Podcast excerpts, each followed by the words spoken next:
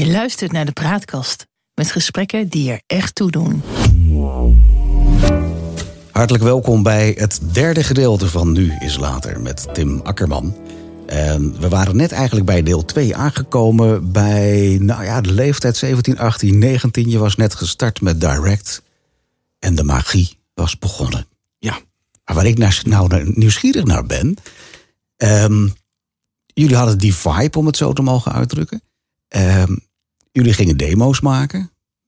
Klopt. Op wiens initiatief was dat? Van nou, we gaan echt demo's maken, we gaan wat doen. Was dat ook Eh, was- Dick? Of was dat iemand Dick, maar ook Dennis. Dennis die hielp daar ons wel mee. Die, eh, eh, die kende ook op een gegeven moment de oefenruimte waar we dan ook opnameapparatuur en ik. De, de, de Help even, wie is Dennis? Oh, Dennis van Orn. Dat is die collega van, van Rock Palace. Die mij de- uiteindelijk heeft geïntroduceerd richting.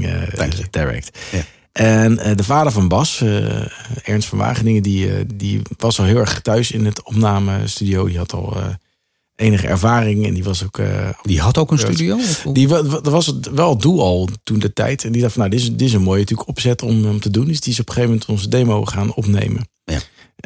En daarbij kwam uh, dat kostte niks? Want, ja, Nee, het was investeren. Dat is natuurlijk uit de, de vaderliefde, zeg maar, om te doen. Dus dat was ideaal. Oké. En ehm, we hebben echt in, in de kelder hebben we daar een hele setup, weet ik nog, eh, gemaakt. Was dat toen al digitaal of was dat nog op Dat die begon- banden? Dat, dat begon toen dan net digitaal te worden. Klopt. Oké. In, precies in de transitie, dat, eh, dat heette toen Pro Tools. Dat was dan iets later. Daarvoor was het nog wel, je, multitrack heette dat. Ja. Dat kon je dan opnemen in verschillende lagen. En ehm, eh, we hebben dat samen met Serge Nademan. Dat was dan weer een, een goede vriend van, van Dennis. Die, eh, die, eh, die had ook wel weer wat eh, producer skills. Dus die ging dat eh, produceren met ons. En zo zijn we eigenlijk met de eerste demo, zeg maar, eh, op pad gegaan. Met vijf liedjes. Ja. En Even voor mijn beeld. Hoe oud was jij toen en welk jaar zitten we?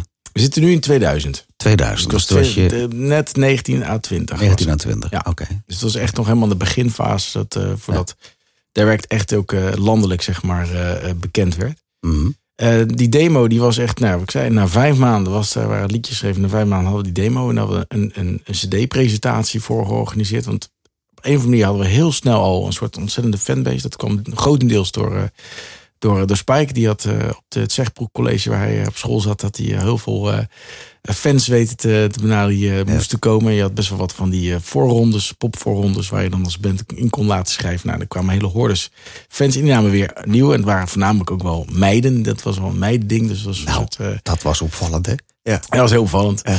En, eh, en zo is het eigenlijk een beetje gaan groeien. Er werd op een gegeven moment een soort, soort hype werd er gecreëerd op een of andere manier. Dus als we ergens stonden, was het meteen een bommetje vol met, eh, met allemaal jonge, eh jong gerut.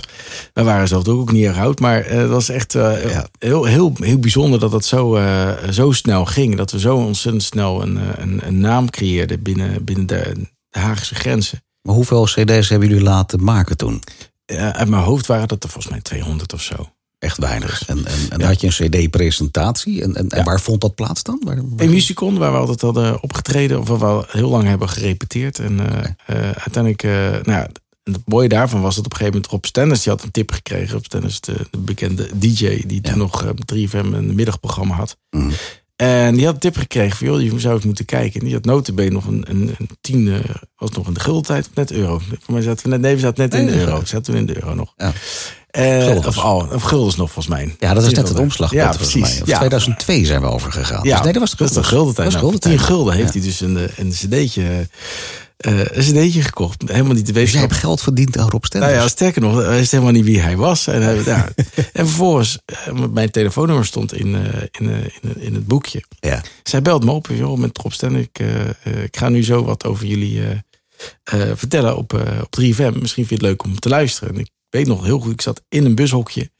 Eh, met geen enkele mogelijkheid tot radio. Dus ik had meteen de bassist eh, gebeld. Bas, zei, joh, eh, je moet nu 3FM opzetten, want we worden zo aangekondigd. Zei, wat? Ja, we worden aangekondigd. Dus Ja. die heeft het hele interview opgenomen. En ik, nou ja, die lovende woorden over een nieuwe Haagse sensatie.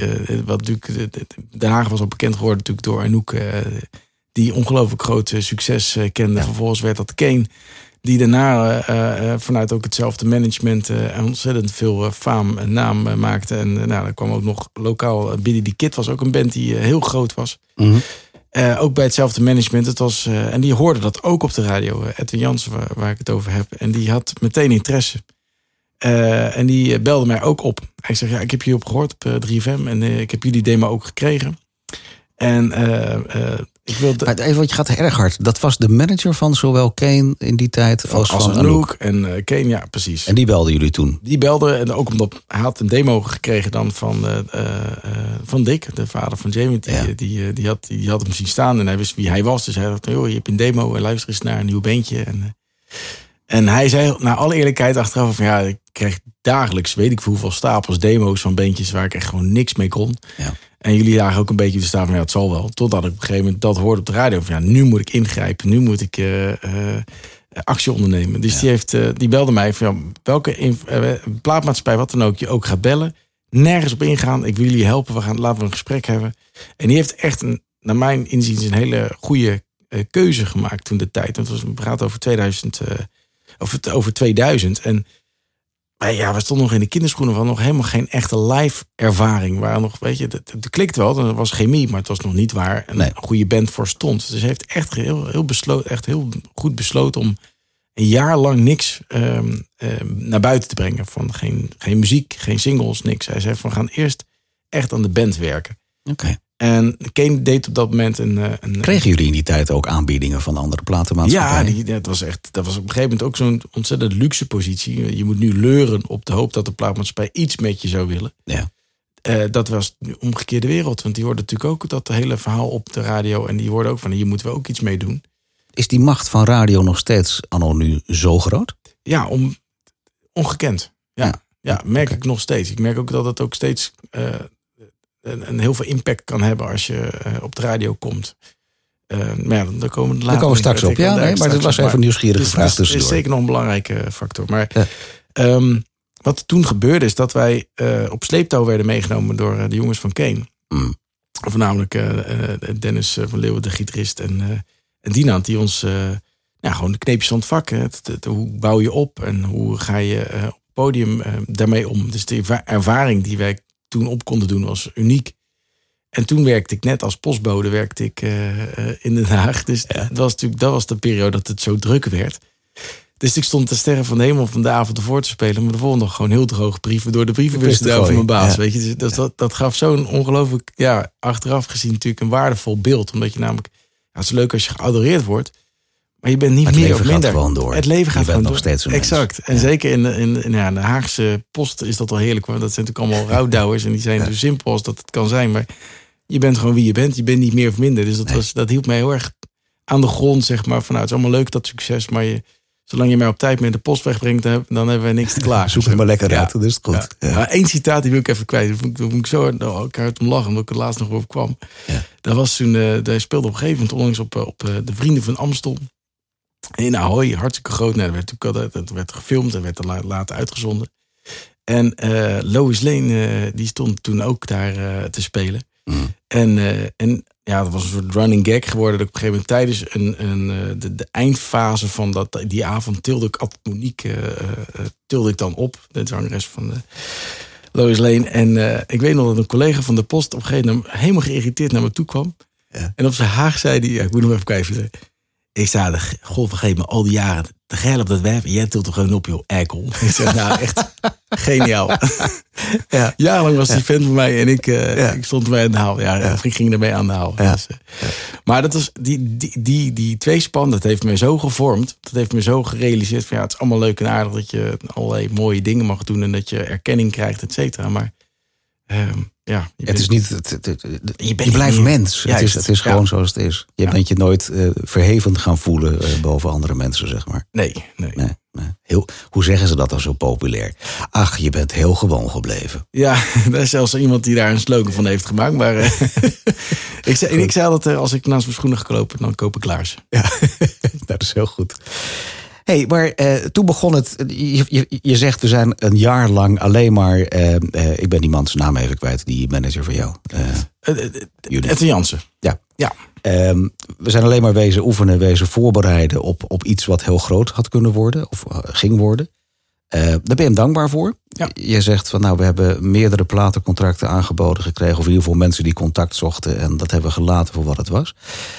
Wat was voor jou het vertrouwen wat je in die man had? Want ja, de artiestenwereld, voor zover ik ermee bekend ben, het, er lopen allemaal van dat soort mensen rond. Nee, die heel veel beloven. Ja. En, En nog steeds, ik heb daar uiteindelijk heb ik toch een magneet gecreëerd van mensen die eh, andere eh, intenties hadden dan dat ze in daadwerkelijk in het begin kwamen. ja, precies. Dus dat is een beetje. De, toen was je 19, 20. Dus ja, dan, nee, klopt. Ja, Ehm, dat, is, dat is iets wat natuurlijk altijd heel lastig blijft om van tevoren in te calculeren hoe iemands pet staat. Alleen het Ja. enige ding wat je kan incalculeren als iemand al zulke grote artiesten op dat moment die zo hot zijn in zijn stal heeft staan, dan kan je ervan uitgaan dat hij het sowieso goed op orde heeft.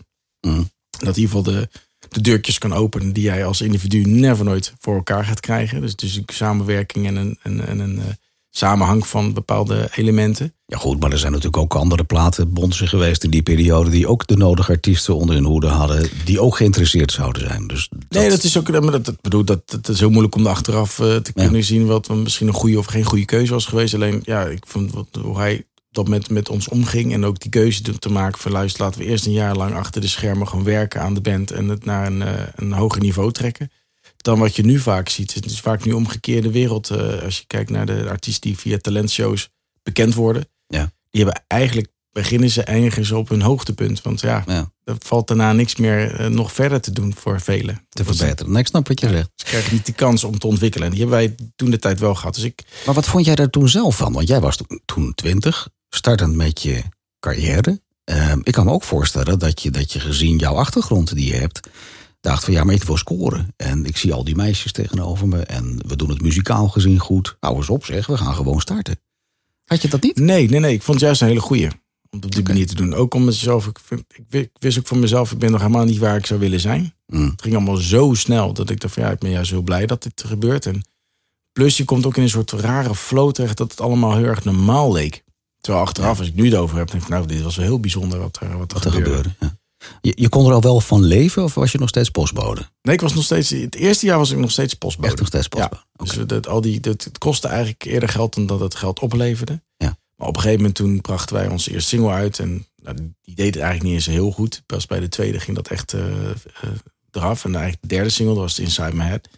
Toen werd het echt een, eh, een, een, een doorbraak, zeg maar, zoals ze dat noemen. En dan word je dus echt in alle breedte op de radio ged- gedragen en gedraaid. En ja, dan zie je ook dat je, als je een, een clubtour aankondigde, was die binnen time uitverkocht. En dat, nou, in deze tijd kan je dat bij mij ondenkbaar.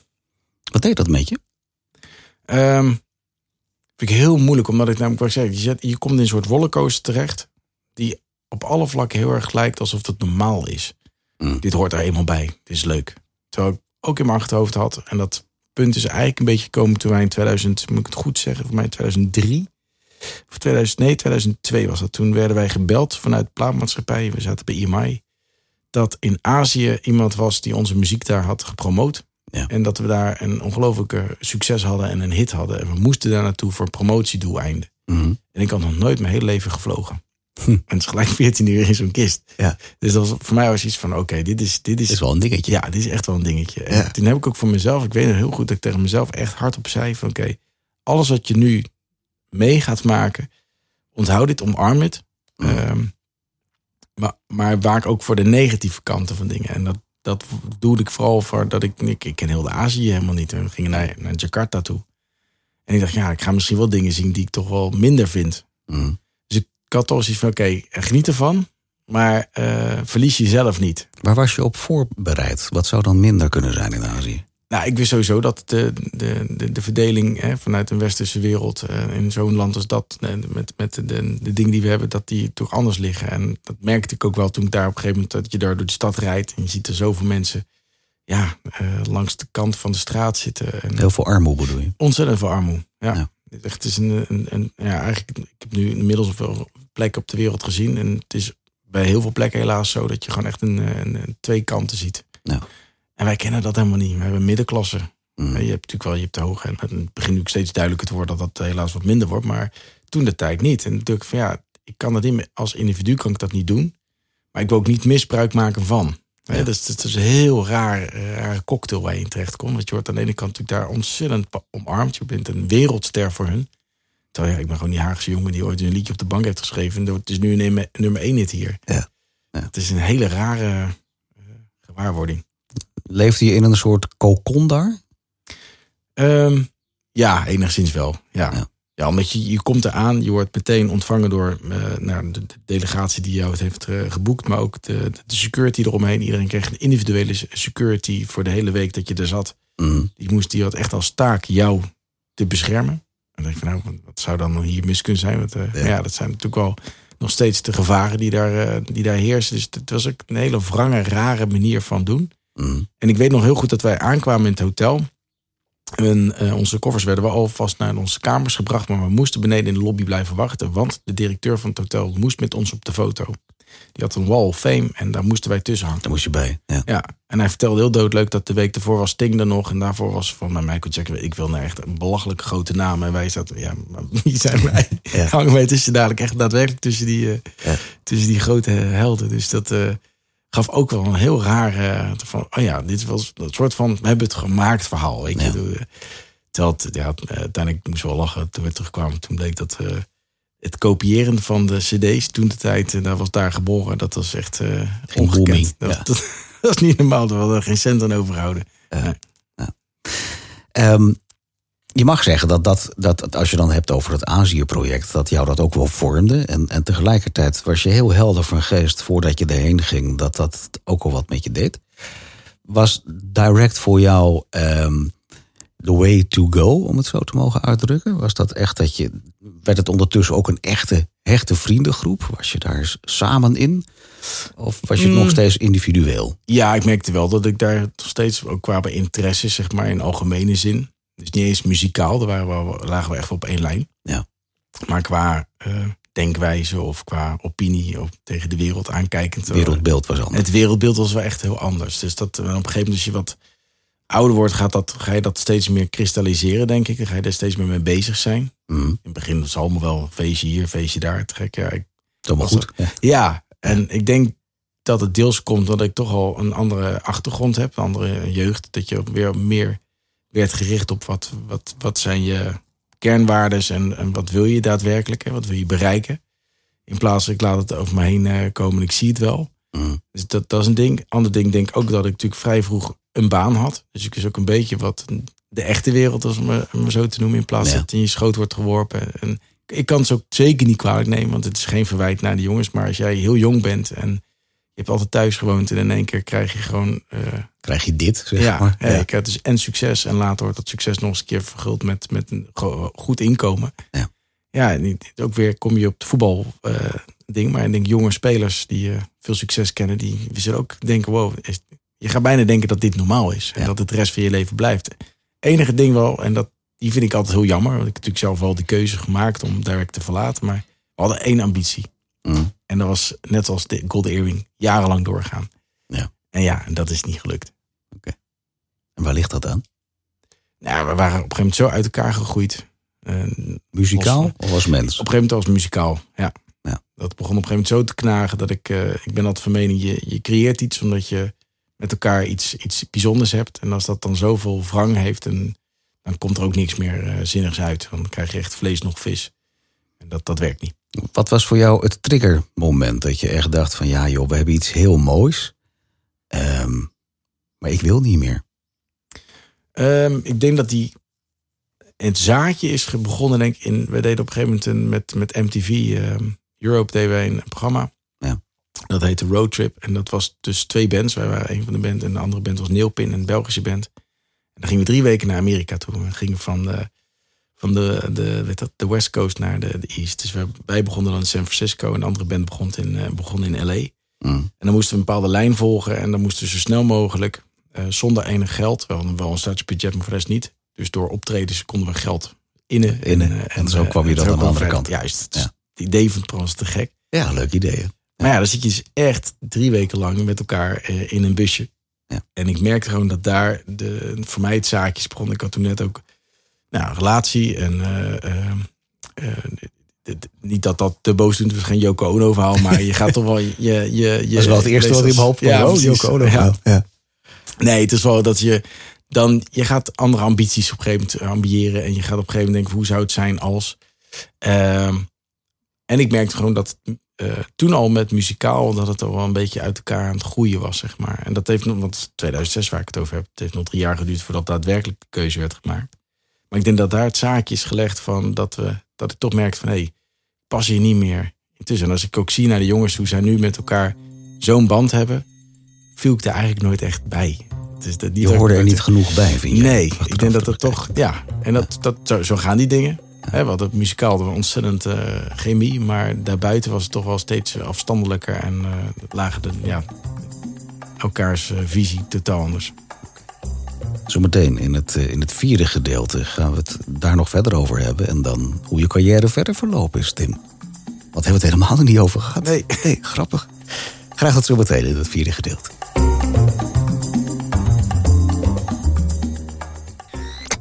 De praatkast